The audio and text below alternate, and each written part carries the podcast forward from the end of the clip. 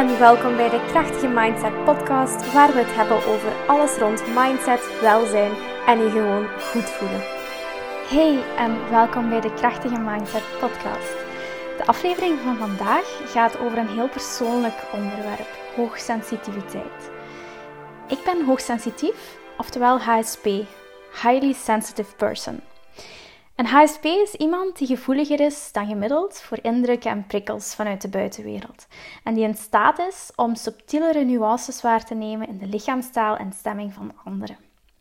Hierdoor raakt een hoogsensitief persoon sneller overprikkeld en heeft dan de nood om zich eventjes terug te trekken en te ontprikkelen. Je kan het vergelijken met een computer die veel te veel tabbladen en programma's heeft openstaan en zo door te veel input wel eens durft vast te lopen.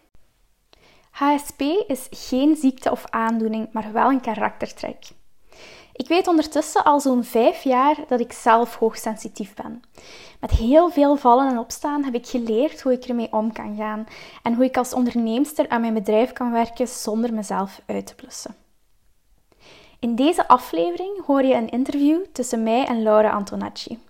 Laura is 29, psycholoog en HSP-coach. Ze helpt hoogsensitieve vrouwen om met meer zelfvertrouwen in het leven te staan. Ze interviewt hoogsensitieve onderneemsters om aan te tonen dat het stereotype beeld van mensen met HSP niet klopt. En ze wil tonen dat er heel wat straffe en ambitieuze vrouwen zijn die hoogsensitief zijn. Ik wil vandaag het volledige interview met jou delen. Enerzijds om je een kijkje te geven in mijn journey als onderneemster, maar vooral om jou te inspireren om hoogsensitiviteit niet te zien als een beperking, maar net als een enorme kracht. Heel veel luisterplezier. Dus Jolien, eerst en vooral bedankt dat je wilt uh, meedoen aan het, uh, aan het interview. Ik ben ook benieuwd om u te leren kennen, want ik vind ook wel dat je een, een super interessant bedrijf hebt. Ook iets wat nog niet veel voorkomt volgens mij in, in België. Dus kunt je misschien zelf eventjes uitleggen wat dat je precies doet? Ja, dus ik ben Jolien, ik ben 28 jaar. Mhm. Ik heb er een beetje mijn missie van gemaakt om vooral vrouwen te helpen met hun gezondheid en mhm. hun welzijn. En ik doe dat door middel van Pilates-workouts, die nu voornamelijk online staan op dit moment. Mhm. En uh, ook door plantaardige voeding, omdat ik zelf ook veganistisch ben gaan eten en leven sinds 2018. En ik heb mij daar zo goed door gevoeld en zoveel voordelen door ervaren. Vooral in combinatie met die Pilates. Dus echt door sport en gezonde voeding. En daarom wil ik dat overbrengen naar andere mensen. En is er een, een reden waarom specifiek vrouwen? Ik doe dat ook hoor, maar ik vraag me af, wat is uw eh, reden? Ik denk dat Pilates vooral wordt gezien als vrouwensport, hmm. enerzijds. En ik denk ook dat plantaardige voeding ook meer iets wordt gezien als iets typisch voor vrouwen, waar vrouwen interesse in hebben, omdat vlees eten nog altijd het stigma heeft van echte mannen eten vlees. Hmm. En ik denk dat een man het nog altijd moeilijker heeft om mentaal die klik te maken van oké, ik, ik sta daarvoor open en ik ga dat verder ontdekken. Ik denk die combinatie dat ervoor zorgt dat ik toch wel meer vrouwen bereik dan mannen. Hoewel Pilates eigenlijk oorspronkelijk een mannensport is. En heel veel mensen weten dat niet. Pilates is opgericht door Jozef Pilates in de Eerste Wereldoorlog. En die gebruikte die methode eigenlijk, heeft hij ontwikkeld om soldaten te helpen revalideren. En daarom die uh, Pilates-toestellen, die reformers, die je misschien kent, die lijken heel hard op het frame van een bed. Lang verhaal kort dat het oorspronkelijk een mannensport is en dat dat eigenlijk door Hollywood helemaal is ehm, gemaakt tot een vrouwensport. Omdat al die actrices dat doen voor hun lichaam en zo verder. Ja. Oh, wauw, dat is wel uh, een super interessante geschiedenis. Dat, dat, dat, dat mm Bijna niemand weet dat. Tijdens de oorlog bedacht. Oh ja, ja. super interessant ah ja, oké, dan snap ik het. En dan is Hollywood die het weer heeft overgenomen. Die hebben daar iets fancy van gemaakt. En, uh, ja, voilà. oké. En wat ik me dan afvraag, je zegt gewoon samen met uw vriend. Um, staat uw vriend daar ook voor open om dat te leren? Of ziet hij dat ook als vrouwensport? In het begin wel. En toen na een tijd zag hij, denk ik, wat voor buikspieren ik daarvan kreeg en hoe sterk ik daarvan werd. Toen is hij spontaan eigenlijk beginnen zeggen, oh, ik ga eens één les per week meedoen. Ik gaf dan offline lessen. Mhm. Ik ga meedoen en hij had dan toch echt wel zwaar spierpijn daarvan. nu doet hij standaard één les per week mee. Idem voor plantaardige voeding. Die eet wat de pot schaft. Die heeft daar geen problemen mee, vindt dat heel lekker. Die voelt zich veel beter. En het is alleen als hij buiten huis gaat, uh, als hij voor zijn werk moet gaan uiteten of zo, dat hij niet moeilijk zal doen en dat hij gewoon iets vegetarisch of iets met een beetje kip of zo zal nemen wat op de kaart staat. Maar hij zal zeker niet, uh, niet overdreven vlees eten. En je zegt ook van, hè, dat, je, dat je dat vooral online, aan, allee, vooral online aanbiedt, maar was dat ook al ja, voor de coronaperiode? Ik coach de mensen al wel online in de zin van, ik gaf hen pilates schema's en voedingssuggesties. Mhm. Maar door corona heb ik in mijn hoofd ineens de klik gemaakt van ik moet nu helemaal online gaan. En als ik het nu niet ga doen, dan ga ik het nooit doen. Mhm. want ik had al heel lang in mijn hoofd dat ik een platform wil ontwikkelen voor vrouwen waar ze Pilates konden volgen samen met plantaardige recepten. Mhm. En kent je dat je komt daar nooit toe en je blijft dat altijd uitstellen. En ik dacht, als ik het nu niet doe, dan doe ik het nooit. En toen heb ik eigenlijk op drie, vier dagen tijd alles online gezet, video's opgenomen, een Teachable account opgezet, uh, een mailingsysteem opgezet, een webshop opgezet. Omdat ik daar dan toch tijd voor had. En dus echt van s morgens tot s avonds gewerkt. En nu staat het er en nu ben ik heel blij. Is dat gelinkt aan uw website of, of wat is de naam? Pilates and Plants is de naam. Dus de website is pilates-plants.myshopify.com. Dat is de webshop waar je de lessen kunt aankopen. Ah, wauw. Voor sommige mensen is het inderdaad wel allee, deze periode een goed moment om eventjes te gaan kijken van hoe wil ik het verder aanpakken. Maar wauw, op drie tot vier dagen dat gewoon hebben opgezet. En hoe lang zijt je eigenlijk al opgestart? Ik ben opgestart in 2016. Toen stond ik nog in het onderwijs. Ik was leerkracht secundair Engels-Nederlands. Ik stond op twee verschillende scholen en ik werkte daardoor aan een 150 procent als ik het uittaalde qua uren. Want je moet op iedere school een oudercontact, op iedere school en zo verder. Toen heb ik lang verhaal kort een serieuze burn-out gehad, waar ik zeker een zestal maanden van heb moeten recupereren, dat ik echt bijna niks kon. En waar ik toen langzaam mee opnieuw begonnen ben, want ik deed het ervoor al, was Pilates. Mhm. En daardoor heb ik echt wel mezelf terug wat weerbaarder gemaakt. En heb ik besloten van, ik wil hier iets meer mee doen. Ik wil mensen echt gaan coachen en iets doen wat mij gelukkig maakt, maar wat mensen ook kan verder helpen. Toen heb ik in het half jaar dat daarop volgde, mij gefocust op voor mezelf gaan werken en zelfstandig worden. En dat was heel eng, maar ik heb nooit meer teruggekeken. Wat maakte het voor u zo eng? Het gevoel dat ik, dat ik ging springen zonder dat ik wist wat er ging komen. Ja, echt het schrik van het onbekende. Mijn omgeving heeft me altijd gesteund, maar je hebt toch altijd uit de omgeving die commentaren van ja, en pas toch maar op. En ja, maar je had zo'n goede voltijdse job in het onderwijs en die zekerheid valt weg en dat is onbekend en dat is, dat is eng voor mensen uit de omgeving. En ik heb niet veel zelfstandigen in mijn omgeving. Mijn vriend wel. En door mijn vriend heb ik gezien dat het mogelijk is. Mhm. En heb ik een beetje geleerd niet zozeer hoe het werkt, maar gewoon hoe, hoe start je ermee? Hoe werkt de administratie en zo verder? Hè? Waar moet je zijn voor wat? Mm verder heb ik geen zelfstandige in mijn omgeving, dus ik heb echt wel even de, knop moeten omdraaien in mijn hoofd en zeggen van oké, ik moet dit doen mm voor mezelf. Uh, ik moet daarin mijn eigen geluk gaan zoeken en ik wil nooit meer terug naar het onderwijs, want dat zuigt mij gewoon leeg. Mm Niet zozeer voor de leerlingen, maar dat was vooral voor de de mentaliteit ten opzichte van jonge leerkrachten vooral.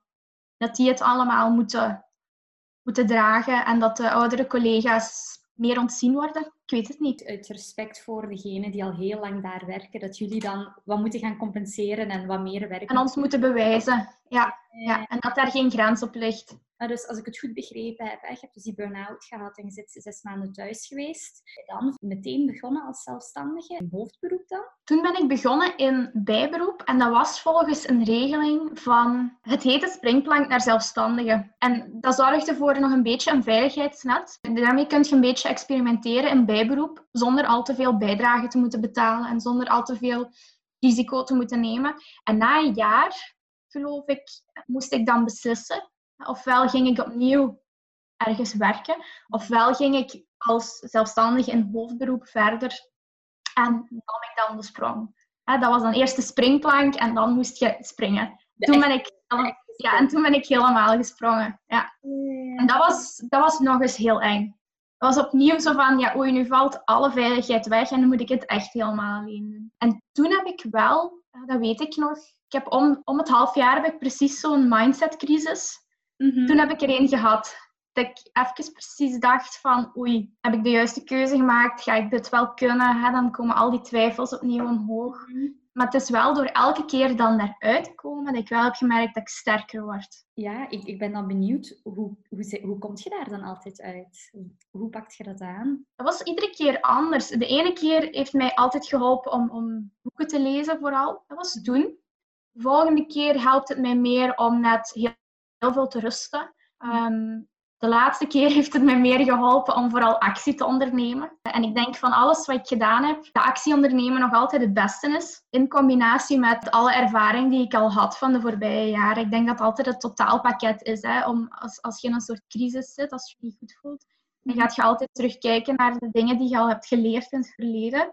En de lessen die je daaruit hebt getrokken. En dat maakt een soort een soort toolbox die je kunt gebruiken om weer alles op te pakken en verder te gaan. Dat is zo'n beetje wat ik altijd heb gedaan. Altijd verder gegaan vanuit de ervaringen die ik daarvoor tot daartoe had gehad. Ja, je hebt dus eigenlijk echt elk moment genomen. Elke crisis was voor u een leermoment en een moment om te groeien. Ja.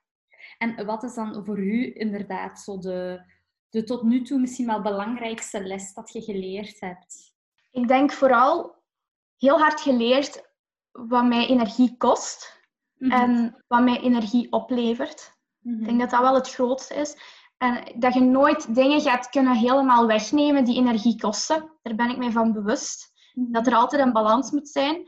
Maar ik denk de afgelopen tijd ben ik meer en meer in staat om echt actief te kiezen voor hetgeen dat mij energie geeft. En daar meer van te doen. Dat wel. Maar natuurlijk is dat niet iedereen gegeven. Hè. Ik, ik, denk ook als mensen nog in een, in een andere job zitten waar ze moeilijk uit geraken, dat het heel moeilijk is om te zeggen van ik kies alleen nog maar voor wat energie geeft. En daarom denk ik dat je daar eerst een balans in moet vinden. En dan dat je daarna kunt zeggen, oké, dit voelt goed. En dan springen bijvoorbeeld naar hoofdberoep en zeggen van oké, nu kies ik actief voor alleen dit wat mij energie geeft en dit doe ik in hoofdberoep. Ik snap wat dat je bedoelt, dat sommige mensen gewoon ook uh, allee, inderdaad vastzitten in een job wat, dat ze, wat voor hun een heel energie kost. En dat het dan mhm. inderdaad misschien moeilijk is om te zeggen van, uh, kan u de sprong wagen? Om het dan zo wat geleidelijk aan. Ja. Ik denk dat veel mensen daar op dat punt blijven vastzitten. Dat ze zeggen van, of dat ze denken dat ze daar vastzitten. En dat ze zeggen van, ja, maar ik kan daar niet weg. En ik moet, hier, ik moet hier blijven zitten en ik kan niet dit en ik kan niet dat. En dat is wat ik het meeste hoor als, als ondernemer van mensen die dat ook willen doen. Die zeggen, ja, maar jij dit en ja, maar jij dat. En jij zit nu een hoofdberoep en jij, jij kunt nu alleen maar kiezen voor wat energie heeft. Dat is niet waar.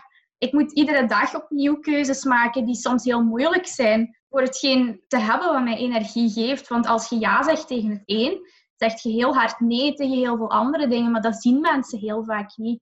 Mhm. Mensen zien alleen maar de buitenkant daarvan en Instagram en de goede kant. Maar die zien niet al die keren dat ik zelf met de handen in het haar zit en zeg van hoe moet ik, hoe moet ik hier nu uitkomen of hoe moet ik dit nu oplossen of welke keuze moet ik nu maken in die situatie om, mhm. om voor mij daar goed uit te komen, maar ook bijvoorbeeld om mijn klanten niet in de steek te laten, om mhm. mijn omgeving niet teleur te stellen. En noem maar op, er, er zijn altijd, er zijn iedere dag wel moeilijke keuzes je mhm. moet maken. Het gaat allemaal niet vanzelf. En ik denk dat dat wel een misvatting is, die mhm. nog heel veel mensen hebben, als ze dat van buitenaf zien, dat ze zeggen van ja, maar jij hebt het gemakkelijk. Mhm. Dat is Nee, want dat is ook zoals gezegd bijvoorbeeld. Je hebt bijvoorbeeld drie à vier dagen, waarschijnlijk zit je er ook gewoon non-stop mee bezig geweest om, om dat in elkaar te steken. Maar dat is ook niet wat de andere mensen zien. Zij zien dan gewoon, ah voilà, het staat online. Maar zien niet dat inderdaad dan drie tot vier dagen gewoon volledig hebt ingezeten. En nee, ja. snap ik dat je, ja, dat kan ik wel begrijpen. Ja, want, want wat mensen dan niet zien, is dat ik s'morgens opsta, dat ik in mijn pyjama aan mijn laptop kruip om zeven uur s morgens, dat ik mhm. doorwerk, dat ik vergeet te eten en te drinken, dat mijn vriend aan de deur komt kloppen, gaat je niet koken vandaag? Ik heb honger. Dat ik dat die ambetant is, dat zien ze allemaal niet. Hè? Nee, nee, nee. Dat is Ja, dus, ja. Ja, want dat is ook wel iets. eh, ik ben zo een nieuw boek aan het lezen. Als je graag boeken leest, eh, dan is dat misschien ook wel iets voor u. Ehm, Make Work Work for Highly Sensitive People. Dat gaat over hoe dat je ehm, ook sensitieve personen dat die heel snel vast kunnen zitten in een job die ook een energie leegzuigt. En hoe dat je dan eigenlijk door een eh, persoonlijk groeiproces moet gaan om dan eigenlijk de job te vinden die echt bij u past en die u echt energie geeft. komt dan ook inderdaad in van de hoogsensitieve personen, als die iets leuk vinden, dat die zich daar volledig in kunnen verliezen. Is Ja. dat wat, ja, Allee, als ik zo'n verhaal hoor, dat, dat is ook wel iets wat dan bij u voorkomt. Dat je zo, je bent bezig en ah, opeens zo vijf uur later, ah ja, oei. Ja, dat is gek, want dat had ik eigenlijk nog nooit gehad. Want bijvoorbeeld toen ik mijn burn-out had en ik moest thuis rusten, dan keek ik op de klok en dat was precies alsof die klok niet vooruit ging. En die dagen die duurden zo lang en ik kon bijna niks anders dan gewoon rusten, een beetje tv kijken, af en toe iets lezen, hè, maar dat kostte mij ook heel veel moeite. En dat leek echt alsof die dagen niet vooruit gingen. En nu bijvoorbeeld, als ik kijk naar wat ik de afgelopen maand heb gedaan om mijn hele zaak online te zetten door corona, die, die dagen, ik zeg elke dag, is het nu weer avond, is het nu weer tijd om te gaan slapen. Dat is heel frustrerend. En dan denk ik van, ik heb toch niks gedaan vandaag. En als ik dan terugdenk, dan denk ik, jawel, ik heb wel veel gedaan. Ik heb heel de dag aan mijn laptop gezeten, ik heb video's opgenomen. Ik heb enorm veel gedaan. Mijn hoofd maakt me soms wijs dat dat niet zo is, gewoon omdat die dagen precies zo snel vooruit gaan. Maar dat is omdat ik zo gefocust ben. En ik ben nog nooit zo gefocust en in flow geweest als de afgelopen maand. Dat is ongelooflijk. Maar, een vriend zei het nog vorige week, ehm, toen ik om acht uur s'avonds of half negen s'avonds beneden kwam, ik had heel de tijd gewerkt, en die zei, je moet wel oppassen dat je niet opnieuw gaat vervallen in uw, ehm uw burn-out praktijk en dat je op tijd de symptomen herkent. Mhm. Want ook al is het iets dat mij nu heel veel energie geeft en dat ik heel graag doe, toch ben, allee, ben ik me daarvan bewust dat ik op tijd ga moeten zeggen van oké, om zes uur s'avonds is de werkdag gedaan. Mhm. En wat niet gedaan is, is voor morgen. En echt stoppen op een hoogtepunt en niet blijven zitten en, en blijven, blijven werken en zo. Dus daar moet ik wel op letten. Want hoe neemt jij je rust? Of wat is voor u rustgevend, ik zal het zo zeggen? Vroeger zou ik gezegd hebben, dingen doen die mij energie geven. Maar dat kan ik nu niet zeggen, want dat is nu werken. Dus, ja, het is dat, ja. dus vooral, bijvoorbeeld om zes uur s'avonds zeg ik, oké, de werkdag is gedaan. Ik ga nu een badje nemen. Dan schenk ik mij een glas wijn uit. Niet iedere dag, maar toch vaak. en dan ga ik in de zetel zitten, of als het mooi weer is, buiten zitten. En even gewoon niks, meestal. Meestal een kwartiertje niks, geen prikkels. En dan bijvoorbeeld tv kijken of, of met mijn vriend praten. Maar hij weet dat ook. Hij weet wanneer hij mij gerust moet laten. Ik geef dat ook aan. Hè. Ik zeg van, nu even niks. En dan weet hij, oké, dat betekent geen prikkels, geen vragen stellen, niet praten, geen lawaai maken, niks. Mhm. Ja, gewoon eventjes volledig in uw bubbel. Geen prikkel. Ja. En dat is eigenlijk een vraag wat ik gekregen had van mensen via, via Instagram. Die, zei, die ook interesse hebben om op een bepaald moment iets te starten. Die zeiden van ja, ik heb dan schrik dat ik geen tijd meer zou, zou hebben voor mijn familie of vrienden. Hoe, hoe ziet dat bij u eruit, uw sociaal leven? Of hoe pakt jij dat aan? Ik heb sowieso niet het sociaal leven, eh, het klassieke sociaal leven dat iemand van mijn leeftijd heeft. In mijn hoofd ziet het klassieke sociaal leven eruit van oké, na het werk gaan we nog iets drinken met de vriendinnengroep. En in het weekend gaan we allemaal met een hele grote groep naar de versus. En heel veel prikkels, muziek, licht. Met heel veel mensen tegelijk praten. En dat allemaal op Instagram zetten.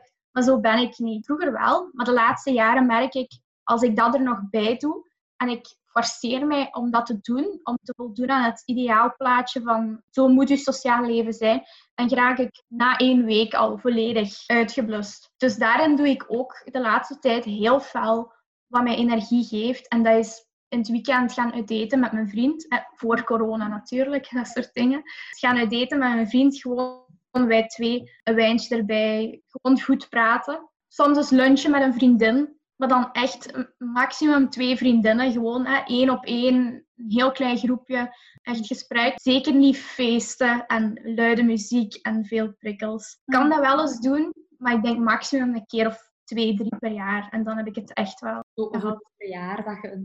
Ja, ja, en zelfs dan. Ik feest net niet graag op momenten dat het moet. Dat het moet. Nieuwjaar, verjaardag. Ik vind, het afschuw ik vind het afschuwelijk. Want dan moet het. En dan voel ik mij geforceerd. En dan, dan voel ik mij schuldig omdat ik me niet amuseer. Vooral. En dan, dan begin ik weer te overdenken. De beste feestjes bij mij zijn de spontane mijn vriend en ik zijn afgelopen november naar Los Angeles geweest en we hebben zo'n roadtrip gedaan naar Las Vegas. En ik was op voorhand zo van, oh Las Vegas, daar moet je gaan feesten en dat is niks voor mij. We zijn de ene dag verplicht gaan feesten in de discotheek van ons uh, hotel, van Caesars Palace. En ik vond dat vreselijk. Ik heb daar een uur gestaan met een lip tot op de grond van ik wil hier niet zijn. De volgende dag gingen we niet feesten. En toen zijn we gewoon gaan daten. En zijn we heel spontaan in de discotheek van een ander hotel beland. En dat was het beste feestje ooit. Ja, ja, ja. ja. Als het niet geforceerd gaat, ja, dat is gek, hè? Als het niet moet, en dan valt die druk weg. Mhm. En ik denk dat mensen die hoogsensitief zijn, dat die heel hard die, die druk voelen. En dat die dan de neiging hebben om te blokkeren. Mhm. Dat is toch hoe ik het ervaar. Mhm. Nee, ik, ik, herken het volledig, inderdaad. Maar ik snap ook wat dat gezegd van, dat je aan de ene kant weet je van, mij doet dat niet zoveel plezier, maar aan de andere kant heb je zoiets van, ja, maar misschien moet ik het wel doen voor de anderen, want... Ja. Ja. ja want anders is die teleurgesteld dat ik niet meega. En ja, mhm. inderdaad. wij denken denk ik soms te veel aan wat andere mensen zouden kunnen denken en voelen, in plaats van onze eigen gevoelens te mhm. respecteren. De laatste tijd lukt het mij vrij goed hoor. En mijn vriend weet het al. Als hij, iets, als hij vraagt, gaat je mee? En ik zeg nee, dan is het nee. Die blijft ook niet. Die blijft niet zagen. Die zegt oké, is goed. Maar allee, hoe ik het ook hoor, hoe dat uw sociaal leven is, dat is misschien niet zoals het plaatje, maar dat is wel een sociaal leven waar jij je goed bij voelt. Ja, ja, sowieso. En dat is het belangrijkste. Hè? Ja, het is dat is waarom je een sociaal leven hebt. En ja, dat is misschien een moeilijke vraag. Maar wat is volgens u het grootste verschil in aanpak van ondernemen tussen mensen die hoogsensitief zijn en mensen die dat niet zijn? Ik denk dat hoogsensitieve mensen heel gevoelig zijn voor opnieuw de dingen die goed voelen en die gaan energie geven en dingen die helemaal niet goed voelen. En ik denk dat zij daar heel goed het onderscheid in kunnen maken. En als je het hen vraagt, dat zij ook onmiddellijk kunnen zeggen, ah ja, dit zuigt energie van mij en dit geeft mij energie. En die dag had ik te veel gedaan van dit, heeft energie gezogen en toen was ik helemaal leeg. En de mhm. volgende dag heb ik gedaan wat mij energie gaf. En toen was ik helemaal opgeladen voor de rest van de week. Ik denk dat zij heel goed kunnen aanvoelen wat dat is. Ook al zien zij zichzelf nog niet als hoogsensitief. Ik mhm. denk dat zij heel goed dat onderscheid kunnen maken. mensen die, um, die ja, niet hoogsensitief zijn, denk dat die veel meer zeggen van, ah ja, ik heb vandaag gewoon deze tien taken gedaan. En ja, ik ben een beetje moe. Mhm. Maar ik ga slapen en morgen doe ik het opnieuw. En dat is nu heel kort door de bocht. Maar ik denk dat die minder het kunnen benoemen. Mhm. En het kunnen onderscheiden van elkaar. Mm Dat wel. Minder bewust ermee bezig zijn. Ja. En ja, je hebt het al, al aangehaald, hè? maar welk effect heeft het ondernemen gehad op je persoonlijke ontwikkeling? Als je kijkt naar de Jolien van toen en naar de Jolien van nu? Ik denk dat ik heel sterk in mijn schoenen sta. Mhm. Niet sterk in mijn schoenen in de zin van altijd maar doorgaan en ongeacht wat gaan voor mijn doelen en, en recht vooruit. Maar net omdat ik zo sterk sta, durven zeggen van ah nee, dit voelt niet goed, dit doe ik niet. En dit voelt wel goed en dit doe ik wel. Of als, als ik heel hard gefocust ben op een bepaald doel en er komt een vraag van iemand of een kans doet zich voor, en die sluit niet aan bij mijn doel op dat moment, dat ik ook heel makkelijk nee kan zeggen. Dat ik echt besef van, als ik hier ja tegen zeg, dan zeg ik volledig nee tegen mezelf. Mhm. Ook al klinkt die kans nog zo aanlokkelijk. En dat heb ik wel heel hard geleerd doorheen de jaren. Dus in die zin zit ik heel sterk in mijn schoenen. En weet ik echt wel waarvoor ik sta en wat mijn sterktes, maar ook mijn zwaktes zijn. En mhm. ik denk vroeger dat ik veel minder zelfvertrouwen had en meer dacht van, ah ja, ik moet dit nu doen, want dan gaan mensen mij zo zien. En als ik dit niet doe, dan... En dat zou ik nooit meer doen, want het zijn die dingen die je leegzuigen. Ja, nu is het eerder van, wat voelt goed voor mij? Ongeacht ja. andere mensen... Ja. Ja. ja, natuurlijk altijd zonder andere mensen te schaden en te kwetsen. Hè. Dat staat er los van. In mhm. die zin ben ik egoïstischer geworden, maar op de goede manier. Want ik ben er mij meer dan ooit van bewust, als ik mij goed voel, Dan pas kan ik andere mensen helpen en dan pas kan ik leuke Pilates-video's maken waar andere mensen ook echt iets aan hebben en waar ik vrolijk overkom en waar mensen zelf energie van krijgen. En als ik plat op de zetel lig met migraine en dan helemaal op, dan kan ik die video's niet maken en dan heeft niemand iets aan mij, grof gezegd. Hè? Maar dus steeds vanuit wat goed voelt voor u, zonder, ja. zoals gezegd, anderen tegen, zeg dat, tegen... Op de tenen te trappen, weet ik veel. Ja, je weet wat ik bedoel.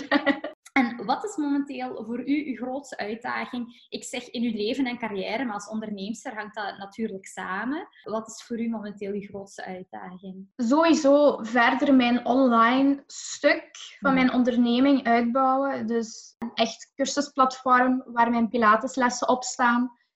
Een hele community daar rond maken. Mhm.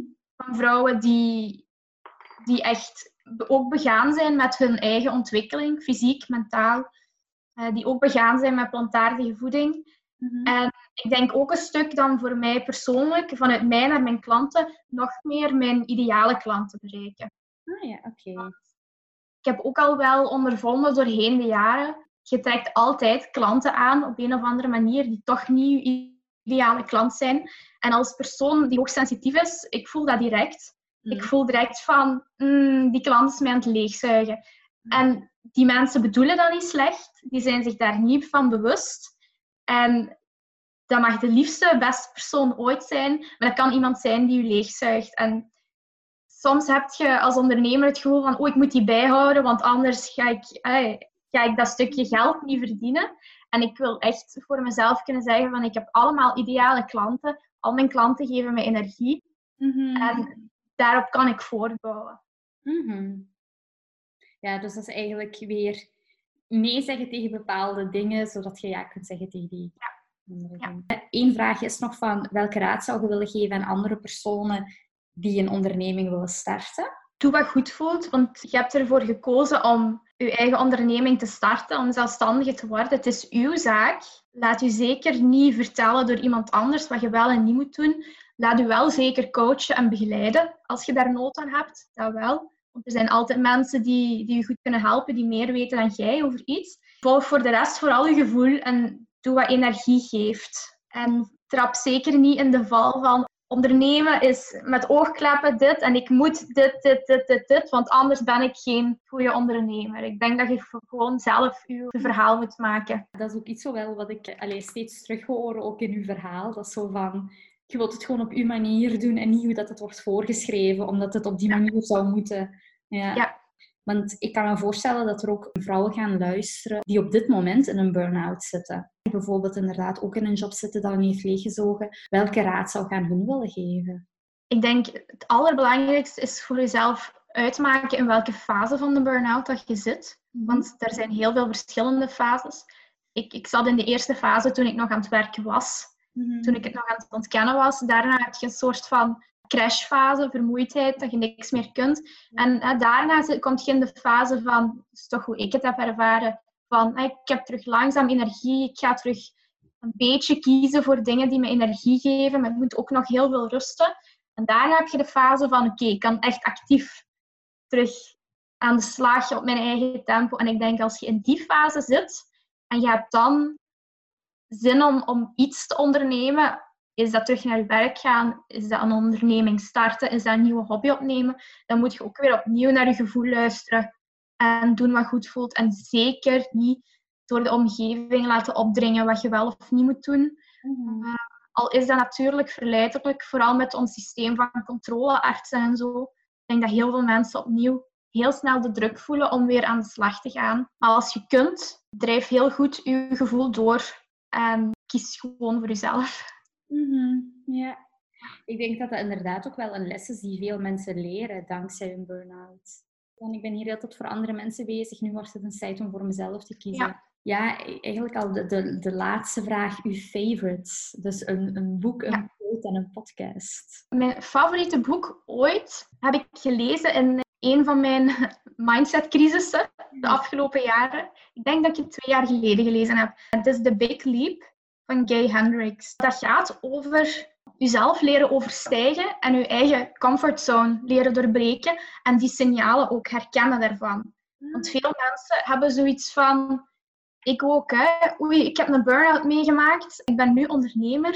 Ik ben nu allemaal dingen aan het doen die nieuw en spannend zijn. Ik heb dit als doel en ik ben er naartoe aan het werken. En oh nee, ik word ziek en ik krijg hoofdpijn. Dat is een teken dat ik ermee moet stoppen, want ik ben terug tegen mijn burn-out aan het aanlopen. Mhm. En dat boek zegt, hoewel het niet over burn-out gaat, maar dat boek zegt, je hebt bepaalde signalen die je eigen onderbewustzijn naar boven brengen als je tegen je comfortzone aan het aanlopen bent. Je hebt een innerlijke thermometer, die is ingesteld op hier. Als je hier gaat willen overstijgen, dan krijg je, voor iedereen anders, krijg je hoofdpijn, buikpijn, noem maar op wat het is. Omdat je onderbewustzijn je wil tegenhouden om verder te groeien. Omdat je dat je bent dat niet gewoon. Je lichaam wil je, het is een beschermingsmechanisme. En dat boek leert hoe je die signalen kunt leren herkennen en hoe die er voor iedereen anders kunnen uitzien. En hoe je dan net ermee kunt omgaan op een constructieve manier, Ja. zonder burn-out, om jezelf te leren overstijgen. En eh, voor jezelf dan bijvoorbeeld, hè? hoe ziet jij dan bijvoorbeeld het verschil tussen eh, ik ben hier uit mijn comfortzone aan het gaan of shit, ik ben echt weer te hard aan het werken? Allee, want dat is een moeilijke dan, hè? Sowieso hebben die wel een beetje dezelfde symptomen. Want als ik heel hard aan het werken ben, krijg ik nog eens van die periodes dat ik migraine heb of spanningspijn in mijn nek, zonder dat ik die de baas kan. Eh, of een soort van grieperig gevoel, dat ik denk van, oh, nu, nu moet ik echt rusten, want ik kan niks meer. Ik heb precies watten in mijn hoofd, ik kan niet meer helder denken. Dus dat zijn signalen dat ik te veel aan het werken ben of dat ik dingen doe die te veel energie kosten. Dan moet ik een paar dagen rusten en dan gaat dat beter. Signalen dat ik uit mijn comfortzone aan het komen ben, is meer van, dan voel ik die soms ook, maar dan voel ik meer ook een acuut gevoel van angst op mijn borst. Ah, Beklemmend gevoel op mijn borst. mhm. En ik zeg dat tegen mijn klanten ook vaak, die ik begeleid. Je hebt altijd twee, twee mannetjes op je schouders. Mhm. Eentje die zegt van, nee, dat is eng en je moet dat niet doen. En wat gaan de mensen zeggen? En wat gaat iedereen denken? En nee, dat is niet goed en je kunt dat niet. Blijf maar gewoon klein en niet doen, veilig, comfortzone. En dan heb je een stemmetje dat zegt, ja maar. ja maar, je moet dat toch doen en je kunt dat eigenlijk toch wel goed. Je moet op jezelf vertrouwen. En iedere keer als ik uit mijn comfortzone wil komen, en dat staat ook ongeveer zo in dat boek hoor, ik moest echt, ik moest echt lachen toen ik het las. Iedere keer als ik uit mijn comfortzone wil komen, dan begint dat stemmetje. Nee, en dit is eng, en dit is onveilig, en niet doen, en blijf klein. En ik voel al die symptomen, en tegelijk hoor ik dat stemmetje. Ik hoor niet echt stemmen, hè, Laura. Ik snapte de Het is vergelijking. spreekwoordelijk, hè. En tegelijk hoor ik dat stemmetje dat zegt, ja maar, je kunt het goed. Je hebt hier heel hard voor gewerkt. Je hebt al die dingen al geleerd. Als je die niet gebruikt, is het egoïstisch om dat voor jezelf te houden, want je kunt hier mensen mee helpen. En als ik die combinatie hoor, dan weet ik, dit is gewoon mijn comfortzone die even moet verlegd worden. De grens moet verlegd worden. Oké, En zo maak ik het onderscheid. Oké, maar allee, je hebt me overtuigd van het boek. ik denk dat ik het straks Ja, dat is echt supergoed. Ja, want de cover is... ehm, de cover spreekt ook boekdelen. De coverfoto is een vis die in een heel kleine kom zit en die wil uit die kom springen. En dus, ik vind dat echt spreken voor het boek, want dat is zo van... Allee, je bent een vis en je zit in een heel kleine kom en dat is allemaal bekend, maar altijd hetzelfde cirkeltje draaien, dat gaat je niet verder brengen. Dus op een bepaald moment moet je gewoon durven springen naar een grotere kom. En dat mogen kleine stapjes zijn. Dat mag iedere keer een iets groter kom zijn. Hè. Niemand zegt dat je ineens naar de zee moet springen. Want dat is eng. Dan gaat je blokkeren. Maar- ja. Kleine stapjes, iedere keer verder en verder. En dan, de vis wordt ook groter, hè, naarmate dat hij in een grotere omgeving zit. En dan quote, maar één waarvan je zegt, ja, dat past erbij vandaag. Ik denk vooral die quote van feel the fear and do it anyway. En dat sluit ook aan bij die comfortzone. Zo van, ook al heb je schrik en, en maakt dat ene stemmetje u wijst dat het allemaal eng en onveilig is. Als iets in u zegt dat je toch moet doen, dan is het het waard om het toch te proberen en te kijken wat het geeft. En het is denk ik alleen maar door actie te nemen dat je gaat ondervinden of het, of het de moeite is. Want je hebt zo van die mensen die blijven maar stapels boeken lezen over een bepaald onderwerp en die blijven alle podcasts luisteren en alle YouTube-video's die er te vinden zijn. En na één jaar of twee, zo ben ik ook geweest, by the way. Hè. Na één jaar of twee jaar staan ze nog geen stap verder en denken ze, maar allee, hoe kan dat nu? Ik heb al die kennis, maar er gebeurt niks met al die kennis tot je actie onderneemt. En dat is gewoon de sleutel tot alles. Actie ondernemen. Al zijn het kleine stapjes, maar beginnen. Ja. En ehm, de podcast die je zou aanraden voor anderen? Tot een tijdje geleden, het is wel heel Amerikaans, maar heeft me heel hard geholpen om heel diep te gaan qua mindset. Dat is de Manifestation Babe podcast van Catherine Zenkina, dus Manifestation Babe. Het gaat eigenlijk over de Law of Attraction, dus het is voor een stuk heel spiritueel. Maar ik ben me ervan bewust dat niet iedereen daar zo spiritueel minded is. Maar er zit ook een heel goed stuk in van mindset. En van hoe houdt uw onderbewustzijn u tegen om verdere dingen te bereiken. En ook weer heel psychologisch van welke overtuigingen zijn u bijvoorbeeld als kind aangeleerd die u er nu van weerhouden om actie te ondernemen op dit vlak. Ja, heeft me echt tot heel veel goede inzichten gebracht. Voor business gerelateerd vind ik de Fast Forward Amy Show de laatste tijd echt wel uh, zwaar de moeite. Omdat ze heel hands-on is met haar tips. Heel veel dingen die je echt onmiddellijk kunt toepassen. En ze wint er gewoon geen doekjes om en dat vind ik fijn. Ik ben in november 2018 ook een podcast begonnen. Ah, echt? Het motto van, ik ga wekelijks podcasten. Dat was op dat moment veel te veel hooi op mijn vork, want ik wou alles tegelijk doen. Toen heb ik die laten liggen. Hoewel ik daar van heel veel mensen heel goede feedback op kreeg. En ik ben die vorige week, nu ik eindelijk de tijd had, terug opgestart. En die heet de Krachtige Mindset Podcast. Mijn motto is ook, ik heb liever dat ik iets doe en dat het niet helemaal perfect is, dan heel perfectionistisch alles te willen gaan plannen, want dan komt het er naar mijn ervaring, voor mij persoonlijk, komt het er dan niet van. Dus ik dacht, ik zet beter iets op de wereld dat niet helemaal perfect is, maar dat er wel is. En waar mensen misschien iets aan hebben, dan het niet doen. Hm. Omdat het allemaal te perfect moet zijn in mijn hoofd. Ja, ja, ja. En uh, waar, waar, kunnen we die terugvinden, die podcast? Uh, gewoon op iTunes en Spotify, gelijk andere podcasts. Ah, ook. Je hebt er straks een luisteraar bij. Yay. ik heb al twee afleveringen. dat is een begin, dat is een begin. Ja, super. Allee, super interessant om je verhaal te horen. En wat ook wel is, is zo, jij, uh, allee, je, je straalt dat ook wel echt zo uit, dat je iets aan het doen bent wat je echt leuk vindt en wat je energie geeft. Dat is leuk om te zien ook. Ik zou zo mensen doorverwijzen naar u. Ah, dank je. Ja, nee, echt wel. Ja, ik vond het super interessant, uw verhaal. En ik, voor veel vrouwen gaat dat ook heel inspirerend zijn. Dank je wel. Ik hoop het. Ja, ik denk dat we allemaal, als we zoiets meemaken, hebben we nog eens het gevoel van, oh nee, ik sta hier alleen in. Niemand maakt mee wat ik voel en niemand kan zich daarin inleven. Maar ik denk dat we er allemaal iets meer over zouden praten. Dat we versteld staan hoeveel mensen toch eigenlijk wel hetzelfde voelen. Van alle vrouwen die ik tot nu toe heb geïnterviewd, iedereen heeft het meegemaakt.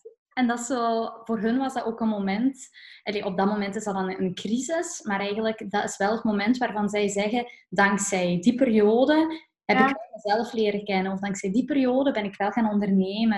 Er kunnen ook heel veel mooie dingen uitkomen, maar vaak durven mensen het ook niet te zeggen dat ze daarin zitten, omdat, oh nee, mm burn-out, uh, wat gaan mensen daarvan denken, of dat is zwak, of terwijl dat eigenlijk helemaal niet zo is. Mooi dat je als onderneemster dat ook durft te delen, en ook als coach, van ik heb die periode ook meegemaakt. Allee, ik weet hoe het is om, daar, om daarin te zitten. En toen begonnen Laura en ik te praten over random stuff en zijn we helemaal vergeten om het interview fatsoenlijk af te sluiten. Ik hoop dat ik je met mijn verhaal heb mogen inspireren om meer te kiezen voor wat jouw energie geeft en daarmee voluit te gaan voor jouw doelen. Als je graag meer wil weten over Laura's HSP-coaching, volg haar dan via Instagram at Strength Sensitivity. Als je deze podcast leuk vond, neem dan een screenshot, post het op je Instagram stories en tag mij at Jolien brx. Daaruit haal ik dan weer heel veel energie om te blijven creëren. Dankjewel voor het luisteren en heel graag tot de volgende keer. Dag!